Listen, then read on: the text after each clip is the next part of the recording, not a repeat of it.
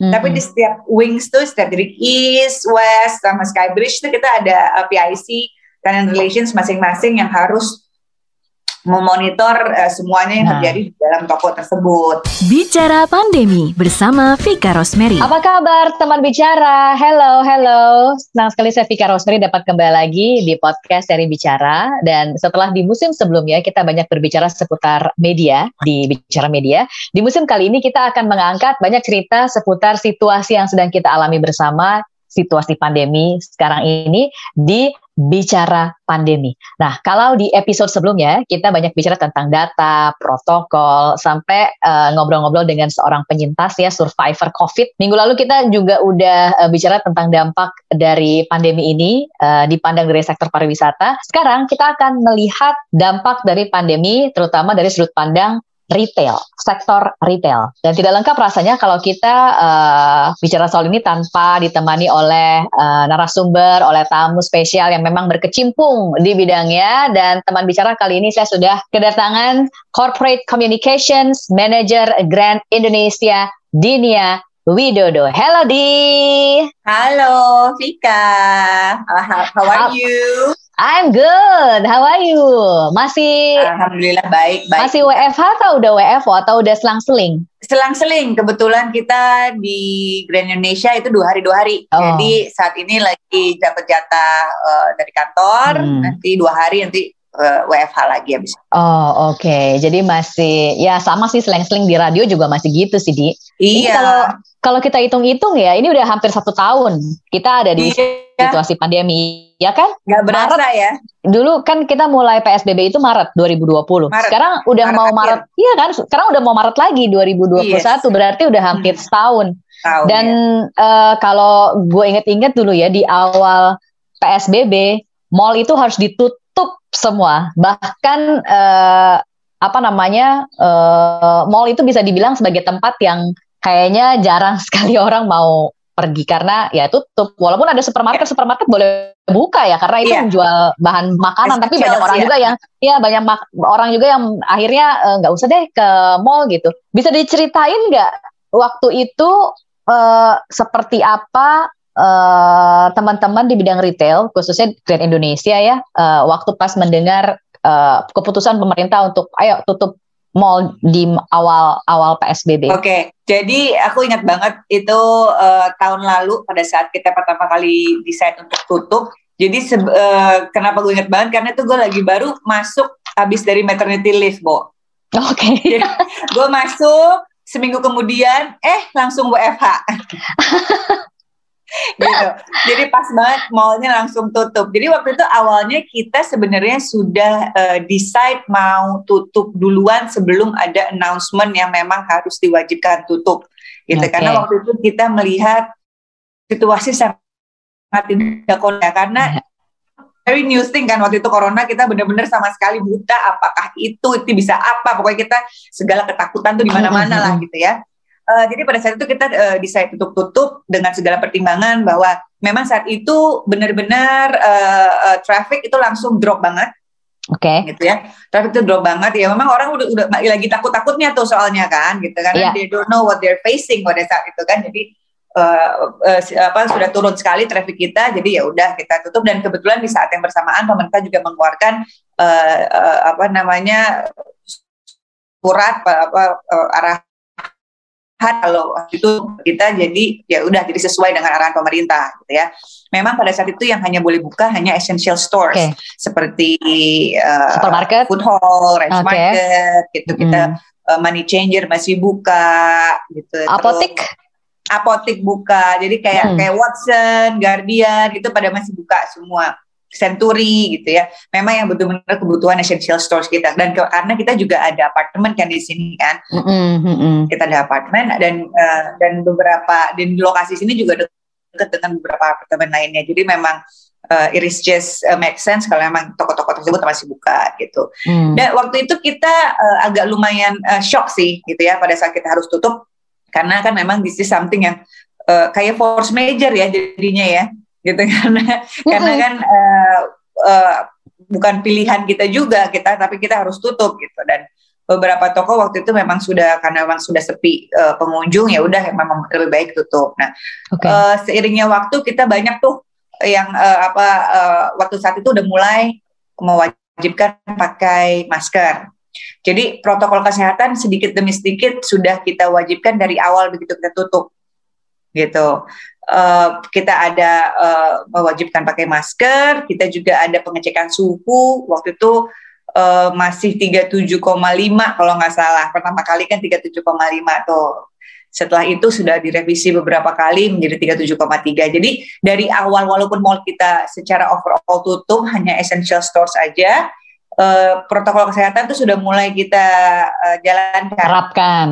Yes, gitu. Dan uh, di saat kita tutup juga kita mulai pelan-pelan juga mengimplementasi kan mulai kita langsung taruh di beberapa tempat lokasi di di Grand Indonesia itu adalah si uh, physical distancing uh, uh, signage, signage itu mm. ya jadi kita mulai itu mengingatkan jadi walaupun kita belum tahu pada saat itu kapan buka lagi karena waktu itu juga diperpanjang beberapa yeah. kali ya tutup mm. dua minggu atau tutup sebulan perpanjang lagi hmm. perpanjang mm. lagi gitu kan tapi kita sudah hmm. mulai tuh kita cicil dari mulai uh, apa elevator uh, signage yang yang satu satu lift hanya boleh berapa orang lalu uh, di eskalator juga kita kasih titik-titik itu udah mulai kita terapkan sedikit demi sedikit pada jadi pada saat kita buka lagi itu kita sudah cukup siap gitu dan terbukti waktu itu pada saat kita buka begitu mall yang paling digemari oleh dia untuk di review hmm untuk di hmm. untuk dinaikkan berita beritanya gitu kita keseringan uh, sering hmm. banget hmm. kedatangan uh, media TV khususnya pada saat itu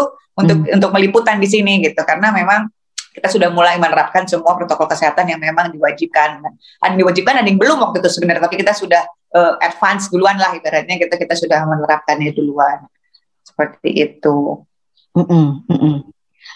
Uh, kalau nggak salah itu uh, mall uh, aturan soal mall tutup itu hampir dua bulan ya Bener nggak? Sampai pertengahan Juni ya? Jadi dari akhir Maret, dua bulan. April, Mei, Juni, ya kan? Uh, nah selama dua bulan itu apa yang terjadi tuh? Gak banyak di iya. antara kita yang tahu karena kita keluar rumah aja juga jarang gitu.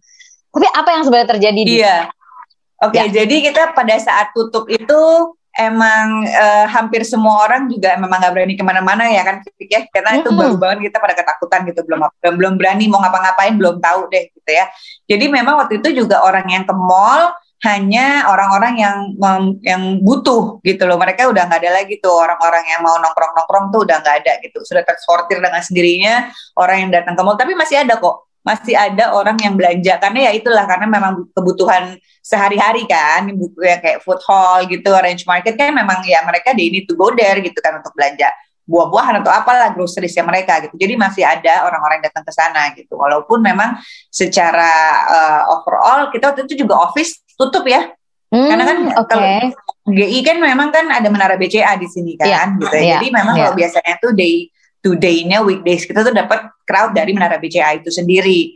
Tapi pada saat itu karena semuanya juga tutup, kalau nggak salah kita uh, tutupnya juga hampir dua bulan kalau nggak salah ya kita waktu itu mm -hmm. si WFO uh, eh, WFH-nya itu baru buka tuh di Januari awal eh Juni awal gitu kan. Nah uh, ya udah memang traffic sangat sangat uh, low banget pada saat hmm. itu dan dan memang orang uh, apa ya dari uh, retailer juga pada saat itu juga banyak uh, ketakutan gitu. Karena kita kita kita sering ngobrol sama retailers karena memang di sini kalau di Grand Indonesia kita lebih we treat them as the, our partners gitu. Not only just uh, kita landlord yang mereka doang gitu. Mereka penyewa kita enggak gitu ya. Kita adalah partners. Jadi apa pun uh, kondisi kesusahan mereka tuh biasanya kita suka obrolin bareng tuh gitu kan. Hmm. gimana nih kita wah ini it's, it's tough for us gitu. Kan khususnya waktu itu yang restoran-restoran ya gitu dia sama sekali nggak ada pemasukan gitu yeah, karena waktu yeah, itu sama sekali iya. nggak yeah. boleh buka sama sekali kan memang iya Iya, iya. Nah, gimana caranya? Tapi gimana caranya waktu itu ya manajemen dari Grand Indonesia menenangkan para tenants? Ya khususnya itu tadi yang restoran nggak bisa buka sama sekali, berarti tidak ada pemasukan, mereka harus tutup gitu selama dua bulan. Gimana ada ada special treatment nggak ke mereka gitu? Oke, okay. dari kita uh, waktu itu kita kan gimana caranya supaya kita bisa tetap uh, survive nih dalam kondisi hmm. yang sangat tidak ideal gitu ya. Hmm. Kita cepat hmm. harus bisa beradaptasi.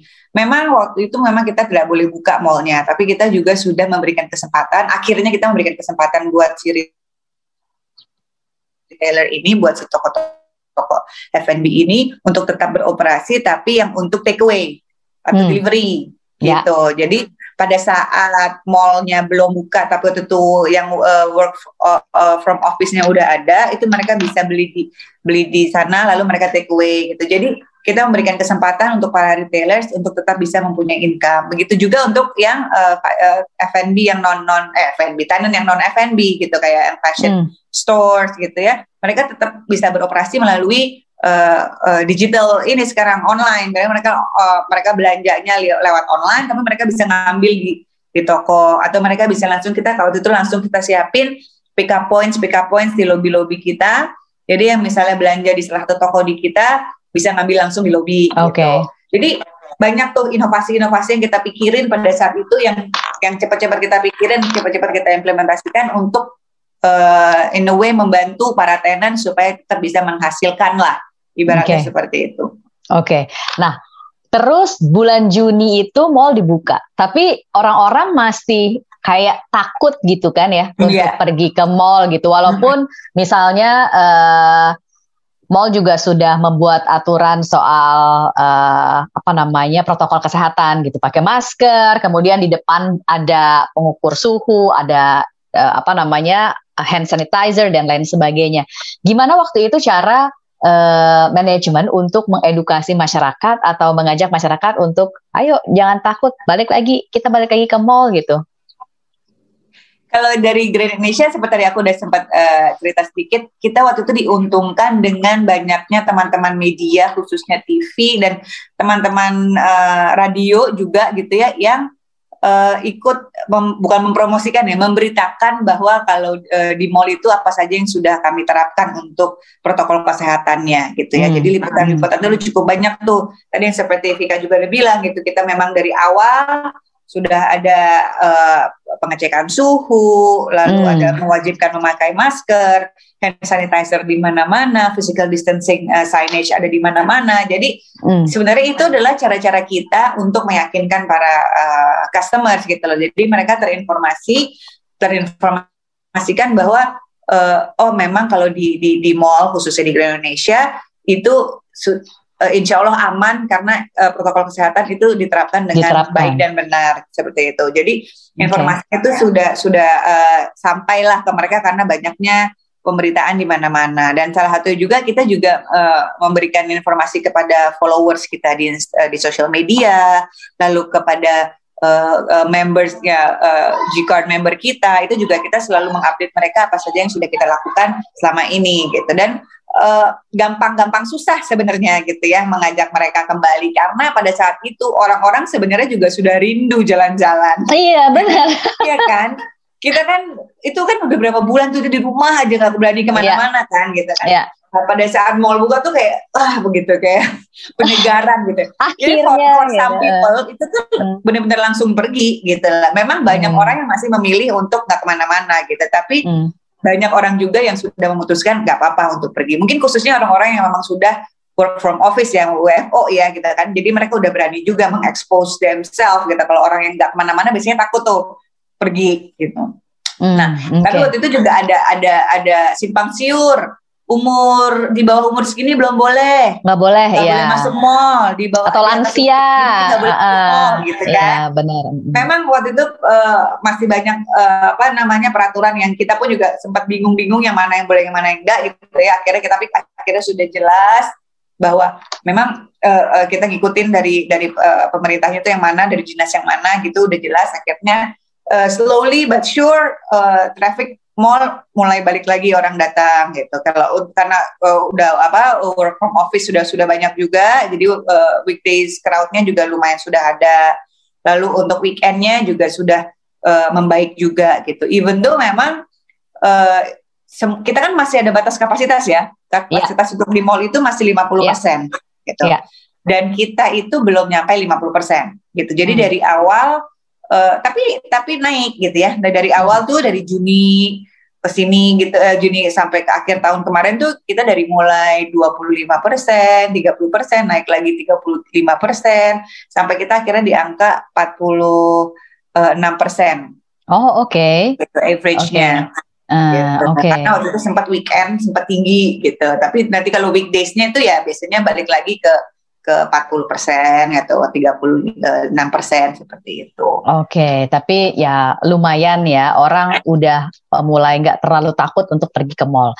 Uh, gue juga pengen tahu ada nggak uh, tenants yang bandel? Maksudnya kan gini, kan nggak semua uh, bisa jadi gitu ya, nggak semua tenant patuh pada protokol kesehatan. Protokol kesehatan itu kan kalau misalnya dia lakukan dengan dengan strict banget gitu, mereka juga banyak mesti ada kayak kayak pengorbanan yang harus dilakukan gitu. Akhirnya mereka kayak nyuri-nyuri, ah udah ini nggak usah deh, ini nggak usah gitu. Ada nggak yang seperti itu? Tahan dulu jawabannya, jangan okay. sekarang jawabnya jawabannya.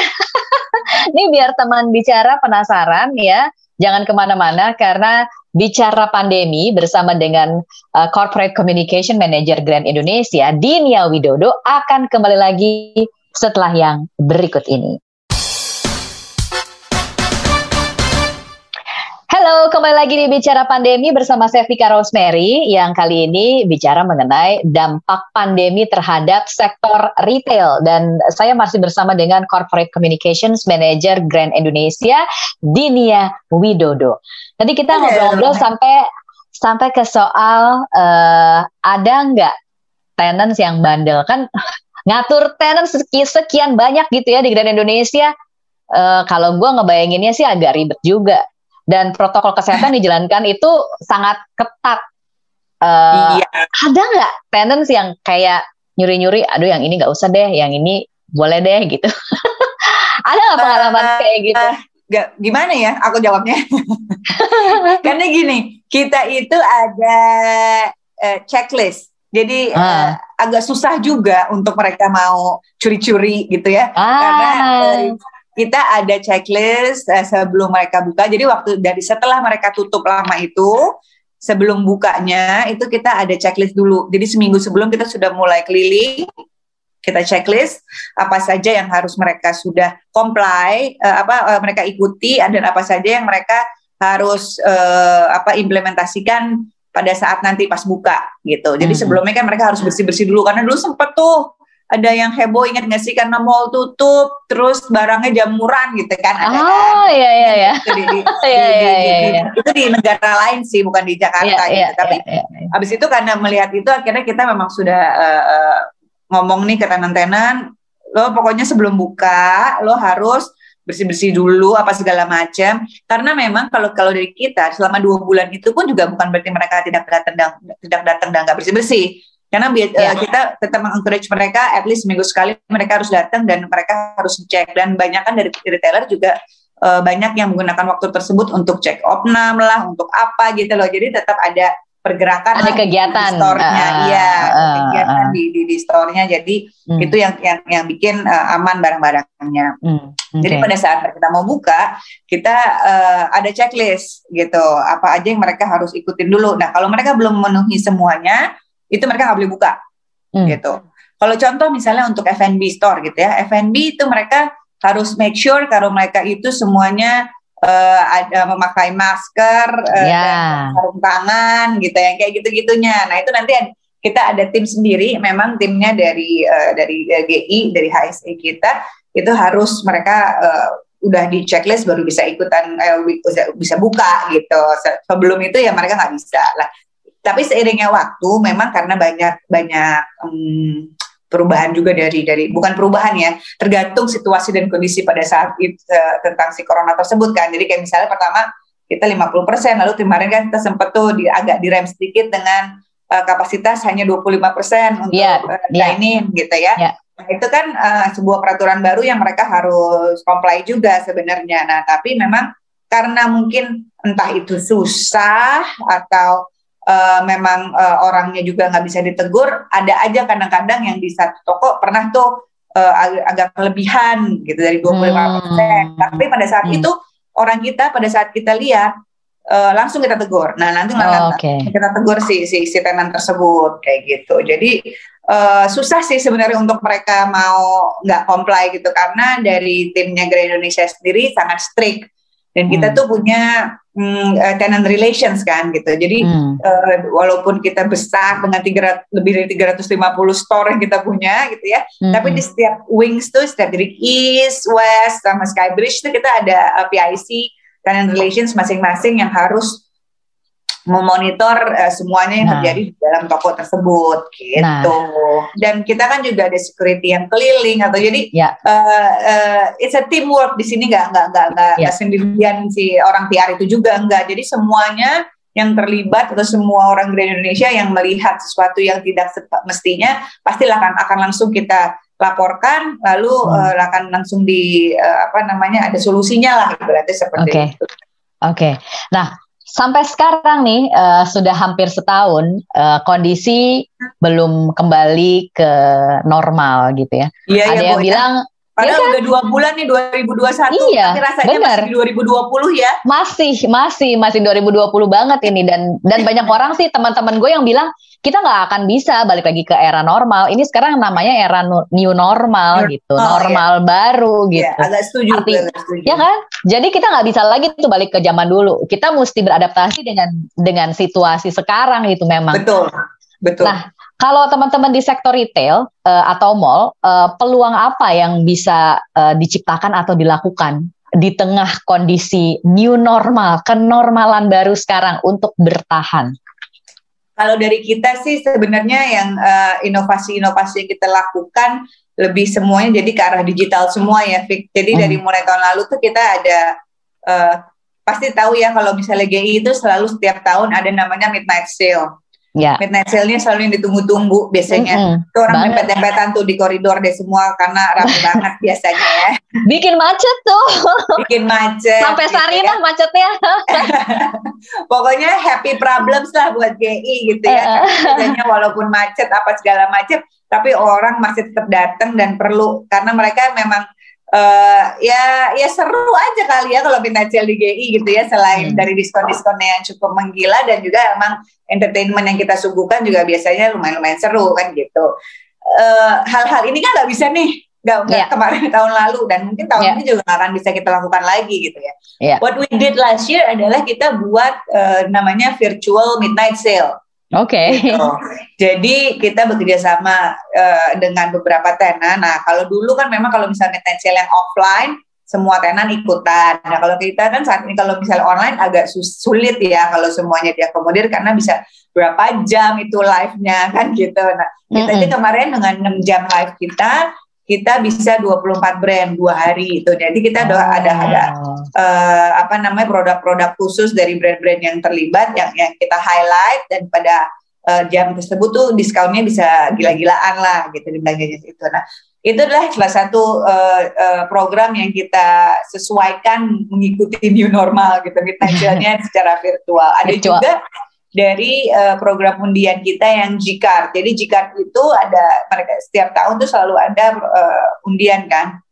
Program undian yang untuk hadiahnya adalah mobil Lexus nggak main-main gitu ya.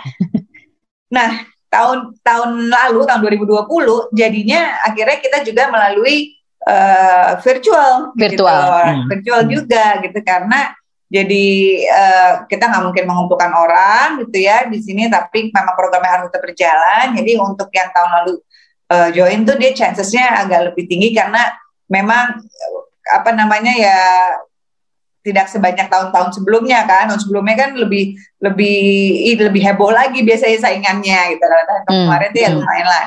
Uh, hmm. Tapi kita tetap berjalan gitu, berjalan hmm. acaranya dengan baik dan juga itu di, di uh, tetap virtual gitu dengan melibatkan dari notaris apa pokoknya tapi semuanya terjadi virtual. Dan orang-orang yang yang menonton uh, atau yang yang ikutan itu bisa langsung menonton langsung live dari YouTube bisa langsung kasih komen lalu ada program giveaway juga seperti hal-hal seperti itu. Jadi uh, kita juga memaksimalkan sekarang banyak di sosial media di Instagram live kita jadi sekarang kita banyak live-nya. Dan saya lihat juga di brand-brand uh, retail-retail lain juga kebanyakan sekarang ke sana tuh modelnya gitu live IG gitu mereka mempromosikan produk-produknya atau misalnya ada barang ada barang baru apa atau barang diskon apa seperti itu. gitu. Jadi okay. memaksimalkan uh, digital digital platform sih sepertinya. Uh, Oke, okay. berarti yang yang sekarang lagi di, didorong tuh uh, kecepatan internet ya, bandwidth ya. Yes, betul. Supaya semua program ini bisa jalan. Nah, gue inget di ya, waktu gue ngobrol-ngobrol minggu lalu uh, sama uh, Mas Tommy dari Sofitel Bali, itu dia bilang salah satu cara untuk mereka bisa bertahan itu adalah dengan melakukan efisiensi. Jadi misalnya uh, wings yang sebelah kanan kamar ini nggak usah dipakai gitu. Uh, jadi kan listrik bisa dimatiin atau lampu bisa uh, ya lampu nggak nyala, AC nggak nyala gitu. Listrik bisa uh, biaya listrik bisa ditekan gitu. Nah, efisiensi semacam ini terjadi juga nggak ya di mall? Uh, ada sedikit. Jadi gini, pada dulu itu kalau ingat mall itu buka dari jam 10 sampai jam 10. Ya. Ya kan? Uh, kita kemarin sampai last week itu tuh kita buka hanya sampai jam 8. Hmm. Gitu. Kita mulai jam mulai jam 11, buka mulai jam 11 dan tutup sampai jam 8 malam. Gitu. Itu sudah ada seling berapa? Sekitar tiga jam berarti ya untuk ya. untuk uh, apa namanya penyesuaian. Lalu ada juga kayak di uh, bagian kayak tadi kalau di hotel sisi mana yang, yang tidak dibuka kamarnya gitu. Kalau kita lebih hmm. awalnya adalah uh, tempat parkir. Misalnya tempat parkir, misalnya bagian atas uh, belum dibuka dulu gitu untuk mengisi dulu yang bagian bawah, lalu uh, baru nanti kalau udah uh, penuh baru ke bagian atas. Nah seperti hal-hal seperti itu ada sih memang kita kita hmm. pikirkan kita strategikan gimana caranya supaya bisa lebih minimize cost lah ibaratnya seperti itu. Oke, okay.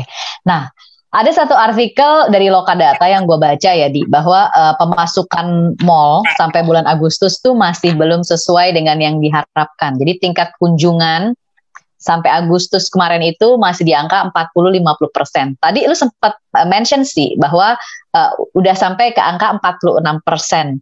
Uh, tapi apakah angka itu memang targetnya memang segitu ya 50 persen atau uh, pemerintah memang netapin batas kan ya 50% ya? Iya, betul. Memang segitu berarti sekarang targetnya.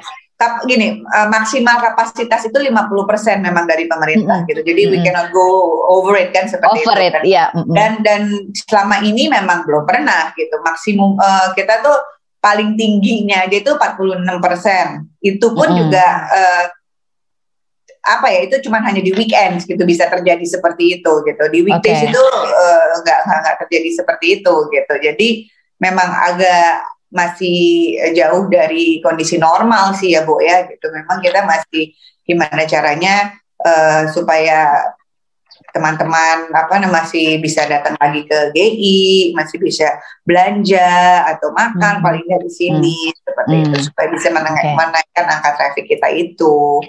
Oke. Okay. Um, gue pribadi sih udah ya udah pergi ke mall gitu ya. Uh, jadi bukan. Iya. Kalau lu kan kerja mau nggak mau ke mall.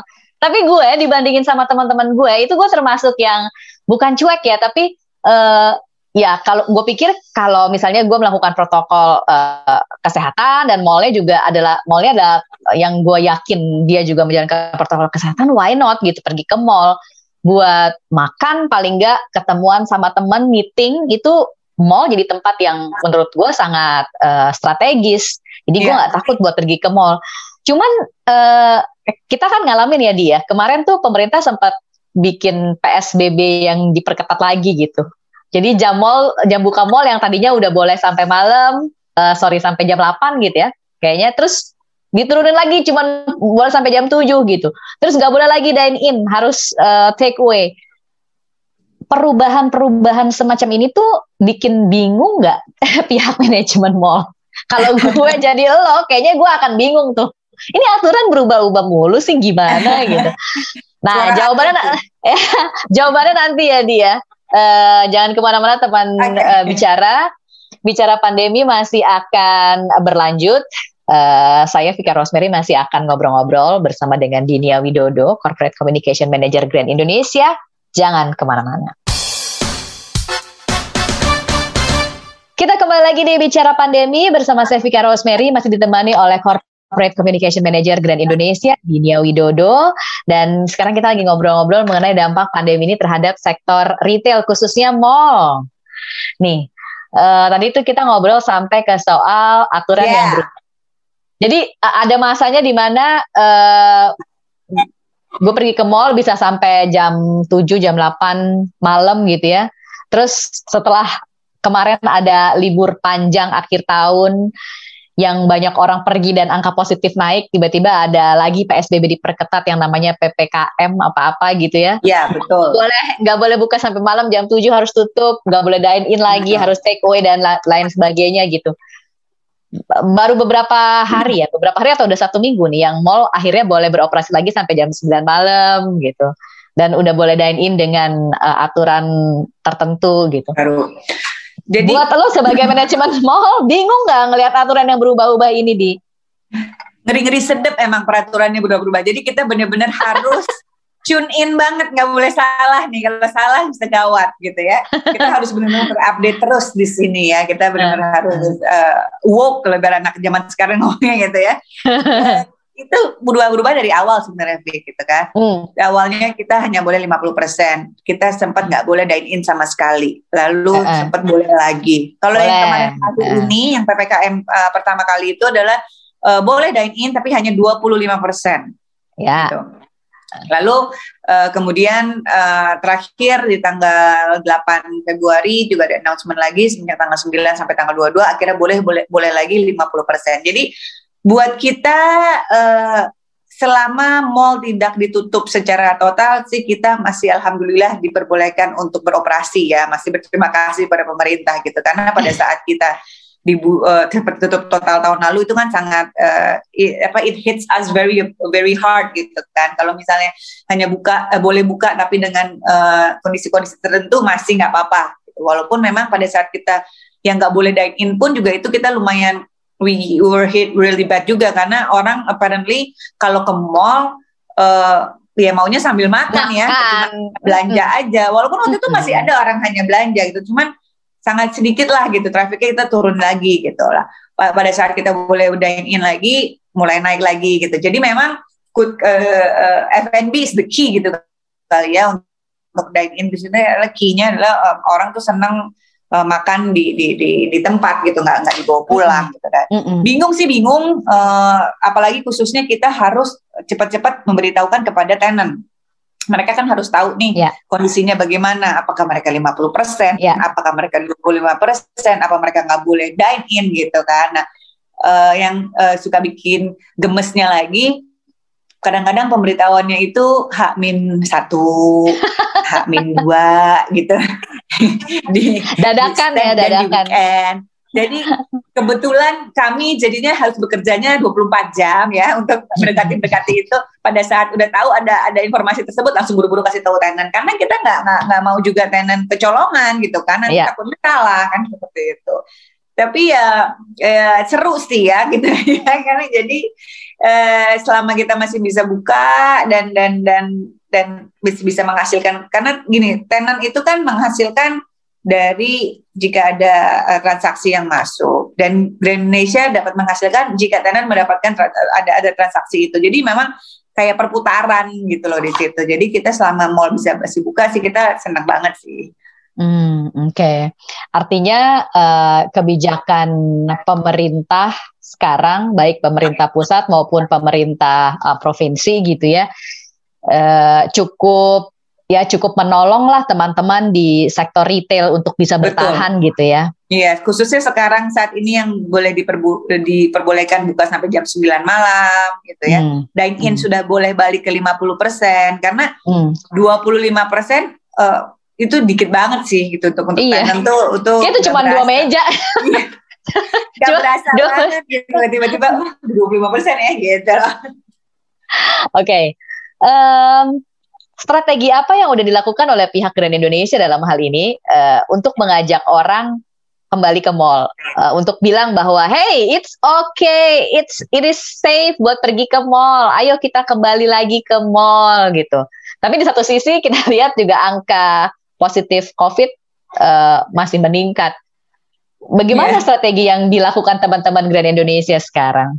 Uh, kita sebenarnya saat ini fokus kita lebih ke pengimplementasian uh, protokol kesehatan tersebut sih, Jadi uh, hmm. we make sure benar-benar uh, si prokes itu dilakukan dengan baik di Indonesia, which itu yang akan membuat kepercaya ke, apa kepercaya diri orang-orang atau customer kita itu bisa uh, percayalah sama Grand Indonesia bahwa oke okay, it's safe for me to go there gitu loh. Jadi hmm. memang bisa dilihat juga kalau pada saat mereka di sini mereka uh, bahkan gini uh, masker itu nggak cuma hanya dipakai pada saat masuk doang gitu. Pada saat di dalam hmm. pun itu harus diwajibkan untuk dipakai gitu kan. Karena jadi bisa tuh uh, lagi lewat ada aja lah orang yang buka tuh ada aja gitu kan.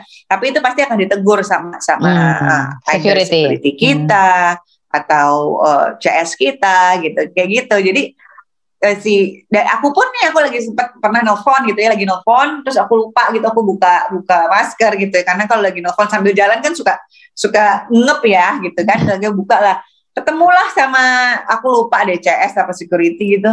Akhirnya dia uh, negur ibu maaf harus di harus di pakai maskernya, maskernya gitu. bagus bagus. Uh, walaupun walaupun dia lihat gue lagi nelfon nih. Oh iya ya ternyata memang memang uh, memang diwajibkan gitu dan semua orang tuh udah udah well aware akan itu gitu. Jadi mungkin tetap apa eh, titip pesan aja sama teman-teman yang yang ke GI jangan jangan baper kalau ditegur gitu. Kenapa sih GI ya emang itu it's for your own good gitu Mir ya ya. Kalau enggak kita akan lebih apa kalau nggak strict ya akan lebih ribet lagi nanti hidup kita kan gitu Benar, benar. Dengan uh, dengan cara yang menurut gue cukup sederhana gitu ya. Jangan lepas masker kecuali kalau misalnya kita memang lagi mau makan gitu ya. Itu bisa yeah. Mhm. membantu memulihkan apa ya rasa percaya kepercayaan masyarakat bahwa tempat ini aman untuk dikunjungi lagi gitu kan. Betul, Dan betul. kita bisa bisa membantu memulihkan perekonomian nih. Yes, benar karena karena gini loh uh, mall itu tuh kayak it's a small world gitu ngerti gak sih? Mm, Banyak mm. sekali yang terjadi dalam situ gitu. Jadi mungkin mm. kalau orang lihatnya hanya um, mall itu hanya ya toko-toko jual beli toko apa jual beli gitu ya. Enggak juga gitu karena di situ udah kayak it's a, apa perekonomian yang ada terjadi di situ gitu. Jadi dari toko-tokonya itu sendiri oke okay, terjadi gitu kan transaksi jual beli itu. Lalu di, di balik itu kan ada uh, orang-orang si penjaga toko ini. Penjaga toko ini juga adalah uh, yang bisa memberikan uh, apa nafkah lagi untuk untuk keluarganya untuk, apa, bisa memberikan masukan keluarganya itu satu kedua uh, uh, uh, pada saat mereka bekerja kan di sekeliling Indonesia kan juga juga ada ada toko ada apa uh, F&B store eh, bukan F&B store iya. uh, pedagang kaki lima gitu ya, ya. Kaki lima, uh, gitu kan. Nah, itu kan bergerak semua tuh gitu. Pada saat kita berhenti waktu itu kita tidak ada uh, mallnya tutup, itu stop tuh perekonomian di sekitar kita juga gitu. Which is kan berbahaya juga gitu efeknya mm. gitu. Pada saat mm. kita berhenti mallnya berhenti, tidak ada pergerakan di mall, di luarnya itu pun juga berhenti itu pergerakan ekonominya. Mm. Jadi itu yang mungkin orang-orang suka lupa gitu. Uh, okay. Kalau pada saat mall mall itu nggak hanya mall loan-nya sendiri gitu nggak cuma si toko dan dan uh, uh, customer gitu tapi there's more than that gitu sebenarnya. Hmm, Oke, okay. uh, ada nggak upaya dari teman-teman yang bergerak di uh, sektor uh, retail atau manajemen mall di Jakarta gitu ya, yang udah sama-sama berpikir, ayo mungkin kita bisa ngadain kayak semacam uh, sosialisasi atau edukasi ke masyarakat atau uh, ya small campaign gitu buat jangan takut buat pergi ke mall, ayo kita balik lagi ke mall, kita bantu roda perekonomian Indonesia gitu. Udah ada obrolan kayak gitu belum di dengan teman-teman sama mall yang uh, lain?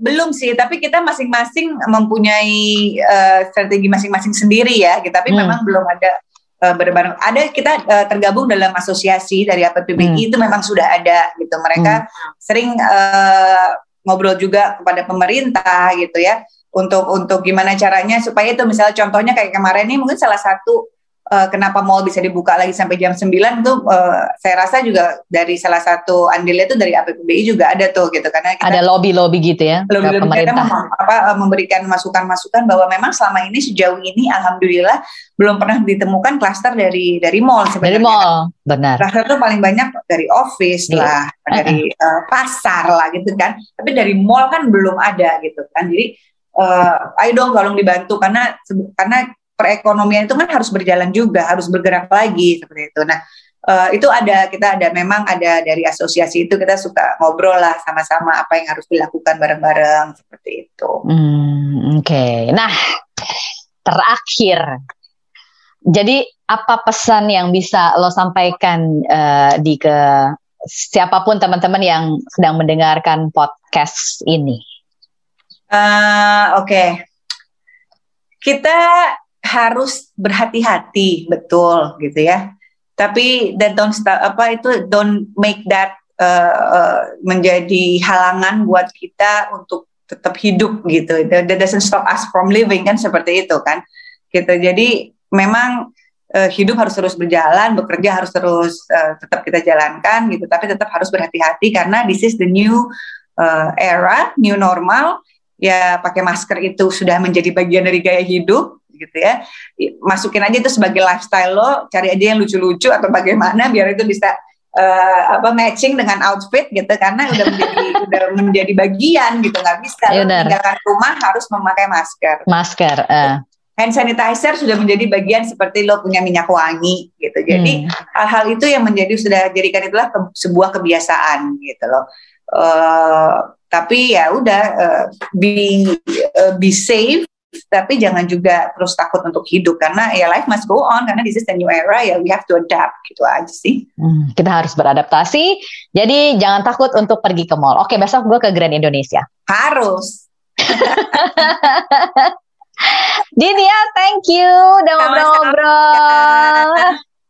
Semoga situasi membaik. Jadi uh, paling enggak kita nggak takut lagi buat jalan-jalan ke mall. Udah kangen banget sebenarnya. Uh, gue yakin teman-teman di luar sana juga udah banyak yang kangen untuk balik lagi ke mall gitu. Karena seperti yang lo bilang tadi, mall itu bukan cuma tempat untuk belanja. It, it's uh, it's uh, apa ya it's a small world gitu di situ yeah. perekonomian banyak tergantung juga dari situ gitu uh, jadi ya ayo uh, selama kita semua sama-sama memperhatikan protokol kesehatan dan yeah. mematuhi protokol kesehatan, jangan takut buat pergi ke mall. Yeay. Banget, betul banget.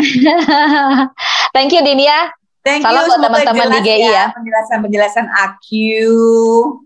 Jelas dong. Dan uh, teman bicara itu tadi obrolan saya bersama Corporate Communication Manager Grand Indonesia, Dinia Widodo. Terima kasih banyak sudah mendengarkan perbincangan kami di Bicara Pandemi kali ini. Nantikan episode berikutnya dari Bicara Pandemi dengan topik yang berbeda tentunya dan narasumber yang berbeda tapi masih seputar pandemi. Saatnya saya Vika Rosemary pamit dari Bicara Pandemi. Bye-bye.